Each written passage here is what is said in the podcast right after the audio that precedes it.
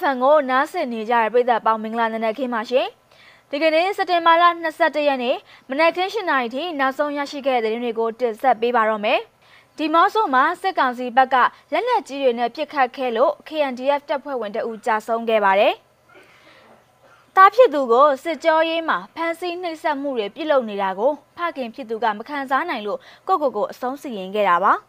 ။ကရင်ပြည်နယ်ကဘုံပေါက်ကွဲမှုအကြောင်းနဲ့ ထိုင်းနိုင်ငံမှာပြည်သူတွေဆန္ဒပြနေကြတဲ့မြင်ကွင်းတွေကိုလည်းတင်ဆက်ပေးပါတော့မယ်ရှင်။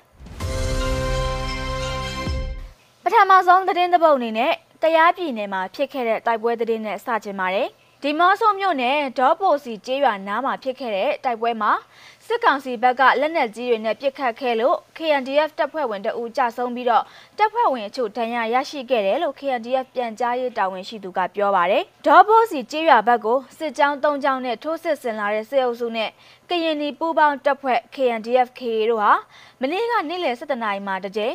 ညနေ၄နာရီမှာတကြိမ်တိုက်ပွဲတွေဖြစ်ပွားခဲ့တာပါတိုက်ပွဲဖြစ်ခဲ့တဲ့ဒေါ်ဘိုးစီကျေးရွာအနီးတစ်ဝိုက်မှာစစ်ကောင်စီတပ်တွေကညနေပိုင်းထိရှိနေတာလည်းဖြစ်ပါတယ်အကြမ်းဖက်စစ်ကောင်စီတပ်ဟာကရားပြည်နယ်အတွင်းမှာစစ်အင်အားတွေကိုတိုးချဲ့နေပြီးတော့လိုင်ကောင်မြို့ပေါ်မှာရှိတဲ့လေရင်ကွင်းတဝိုက်မှာလည်းစစ်ကောင်စီတပ်တွေကတပ်ဆွဲထားပြီးတော့လေရင်စင်းတံတွေလည်းကြားနေရတယ်လို့ဒေသခံတွေကပြောခဲ့တာပါတိုက်ပွဲပြီးမှလည်း ဒီမော့ဆိုနဲ့လိုင်ကော်မြို့တို့မှာရှိတဲ့စစ်ကောင်စီတပ်ရင်းတွေကလက်နက်ကြီးတွေနဲ့ညနေ6နာရီလောက်ထိပစ်ခတ်နေသေးတယ်လို့သိရတာပါအကြမ်းဖက်စစ်ကောင်စီတပ်ကပစ်ခတ်တဲ့လက်နက်ကြီးကြီးနှလုံးဟာတိုက်ပွဲနဲ့မဆိုင်တဲ့ဒီမော့ဆိုမြို့နယ်ကုန်းတာရွာရဲကိုကြာသွားလို့ရွာသားတအုပ်လည်းတန်ရာရရှိခဲ့တယ်လို့ကရင်ပြည်သတင်းချက်လက်စစ်တာကဖော်ပြထားပါသေးတယ် ဒေသခံတွေကတော့စစ်ပေးရှောင်နေကြရလို့လူမရှိတော့တဲ့ဒီမော့ဆိုမြို့နယ်တဲကနေအိမ်တွေမှာအကြမ်းဖက်စစ်ကောင်စီတပ်တွေကအရက်ဝတ်တွေနဲ့ပုံးခိုတိုက်ခိုက်မှုတွေပြုလုပ်နေတာဖြစ်ပြီးတော့ဖောက်ထွင်းဖျက်ဆီးတာတွေကိုလည်းလုပ်နေကြတယ်လို့ KNDF ကထုတ်ပြန်ထားပါတယ်။ပဲခူးကကုတ်ကိုကိုအဆုံးစီရင်သွားတဲ့သတင်းကိုတင်ဆက်ပေးချင်ပါတယ်။ ပြည်ခရိုင်ပေါင်းတီမြို့မှာအကြမ်းဖက်စစ်တပ်ကတားဖနှစ်ဦးကိုမိုက်တဲတာဝါတိုင်းတွေဖောက်ခွဲဖို့ကြံစီတယ်ဆိုတဲ့ဆွဆွဲချက်နဲ့ဖမ်းဆီးခေါ်ဆောင်သွားပါတယ်။အကြမ်းဖက်စစ်တပ်ကတားဖနှစ်ဦးကိုဖမ်းဆီးခေါ်ဆောင်သွားချိန်ကစလို့စခန်းကိုသွားတဲ့လမ်းတစ်လျှောက်လုံးကားပေါ်မှာတင်ရိုက်နှက်နှိပ်စက်ခဲ့ပြီးတော့ဖမ်းဆီးခေါ်ဆောင်သွားခဲ့တာပါ။စစ်ကြောရေးကိုရောက်တဲ့အခါမှာလဲတားဖြစ်သူကိုအပေါ်တက်မှာ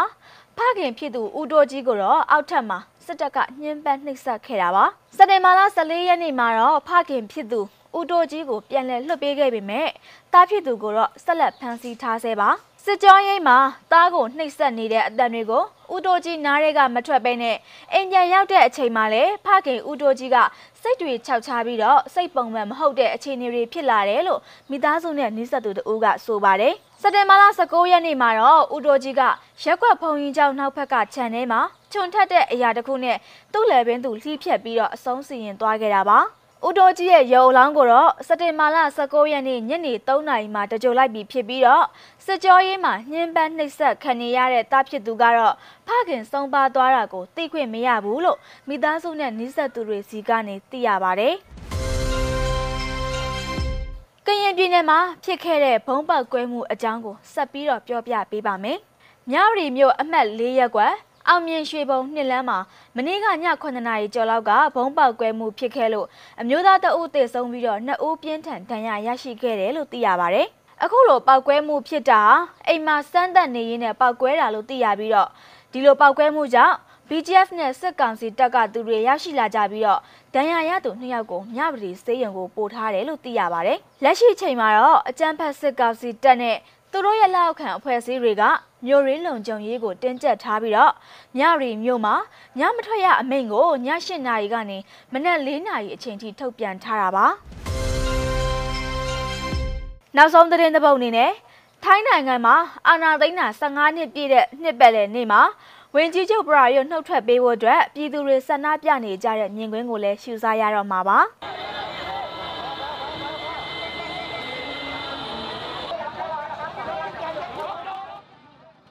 ထိုင်းနိုင်ငံဝန်ကြီးချုပ်ဟောင်းတက်ဆင်ရှင်နာဝတ်ထရာကိုဖယ်ရှားခဲ့တဲ့စစ်အာဏာသိမ်းမှု15နှစ်မြောက်နှစ်ပတ်လည်နေ့ဖြစ်တဲ့စက်တင်ဘာလ19ရက်တနင်္ဂနွေနေ့မှာရာပေါင်းများစွာသောဆန္ဒပြသူတွေဟာမြို့တော်ဘန်ကောက်ရဲ့လမ်းမတွေပေါ်ကားတွေနဲ့ချီတက်ဆန္ဒပြခဲ့ကြပါတယ်။2006ခုနှစ်စက်တင်ဘာ19ရက်နေ့မှာ၎င်းရဲ့အစိုးရကိုဖယ်ရှားပြီးစစ်တပ်ကအာဏာသိမ်းလိုက်ချိန်ကစလို့တိုင်းပြည်ကထွက်ပြေးခဲ့တဲ့ဘီလီယံနာတတိဝန်ကြီးချုပ်ဟောင်းဟာထိုင်းနိုင်ငံရေးလောကမှာအခုချိန်ထိ ဩဇာလွှမ်းမိုးနေဆဲဖြစ်ပါတယ်။ AC ကားနဲ့တင်ကားတိုက်ပွဲလို့အမည်ရတဲ့ဆန္ဒပြပွဲမှာဂတ်တူကျက်တွေနဲ့ဖန်တီးထားတဲ့တင်ကားကိုကားပေါ်တင်ဆောင်က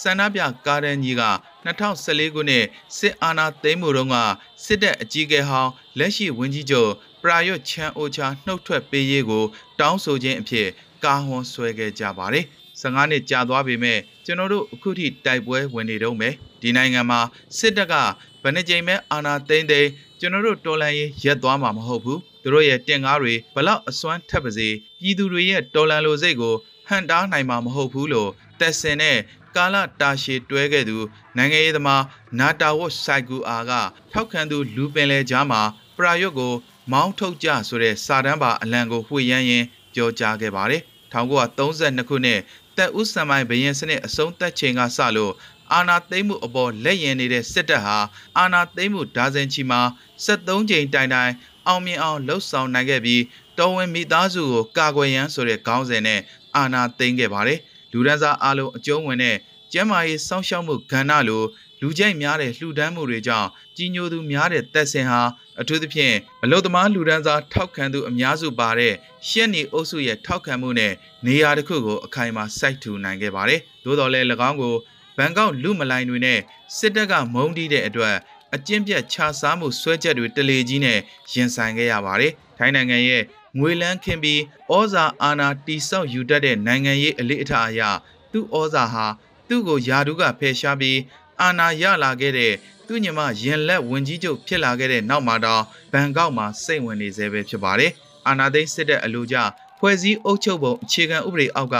2019ရွေးကောက်ပွဲမှာအာဏာသိမ်းစစ်တပ်ခေါင်းဆောင်ဗိုလ်ချုပ်ဟာဝင်ကြီးချုပ်အဖြစ်အာဏာရလာခဲ့တာဖြစ်ပါတယ်။ ဝန်ကြီးချုပ်ဟာထိုင်းနိုင်ငံကိုတိုးတက်အောင်တည်ဆောက်ဖို့အချိန်များစွာရခဲ့ပေမဲ့နိုင်ငံဟာအကြက်အတဲနဲ့ရင်ဆိုင်နေရပြီးစီးပွားရေးလူမှုရေးနဲ့နိုင်ငံရေးမှာယိုယွင်းပျက်စီးနေပြီလို့နာတာဝက်ကဆိုပါတယ်။ကားတွေဆိုင်ကယ်တွေနဲ့ရှက်နီအဖွဲ့ဟာဆန္ဒပြဖို့ညဘက်လူစုအခွဲမခံရခင်မှာဒီမိုကရေစီကြောက်တိုင်စီကိုအလင်းမြန်ချီတက်ခဲ့ကြပါတယ်။ဆန္ဒပြအဖွဲ့ငယ်တစ်ခုကတော့ကြောက်တိုင်နီးကလမ်းဆောင်မှာ အာနာပိုင်အဖွဲ့တွေနဲ့ထိတ်တိုက်တွေ့ပြီးမျက်ရည်ဘုံတွေနဲ့ပြစ်ခတ်ခါည9နာရီမှအဖြိုခွဲခံခဲ့ရတယ်လို့ဆိုပါတယ်။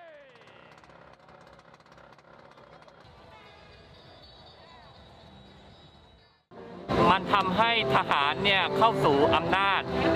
2006ခုနှစ်စက်တင်ဘာ19ရက်နေ့အာဏာသိမ်းမှုဟာစစ်တပ်ကိုအာဏာရပြီးနိုင်ငံရေးကစားပွဲမှာပါဝင်လာအောင်လုပ်ပေးနိုင်ခဲ့တယ်။သူတို့က ဒီမိုကရေစီရဲ့ဖြစ်စဉ်နဲ့အနှစ်သာရကိုရှော့တွက်ပြီးဒီမိုကရေစီစနစ်ကိုစုပ်ယုပ်ပျက်စီးအောင်လုပ်ခဲ့ကြတယ်လို့ဒီပွဲကိုဥဆောင်ခဲ့တဲ့ဒီမိုကရေစီရေးလှုပ်ရှားမှုကိုထောက်ခံသူစွမ်ဘတ်ဘွန်ငါမန်နွန်ကပြောပါတယ် มีการจับคนไปขัง มีการไล่ล่าจนคนไทยด้วยกันต้องลี้ภัย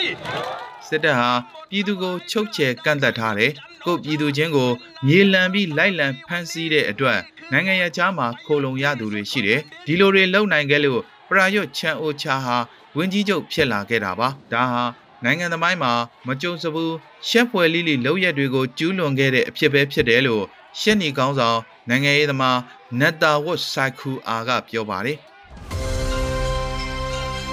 စက်တင်ဘာလ22ရက်နေ့မနက်ခင်း7:00နာရီထိနောက်ဆုံးရရှိခဲ့တဲ့သတင်းတွေကိုတင်ဆက်ပေးခဲ့တာပါ။ နားဆင်ပေးခဲ့တဲ့အတွက်ကျေးဇူးတင်ပါတယ်။အားလုံးပဲတာယာလှပတဲ့မနက်ခင်းလေးကိုပိုင်ဆိုင်ကြပါစေရှင်။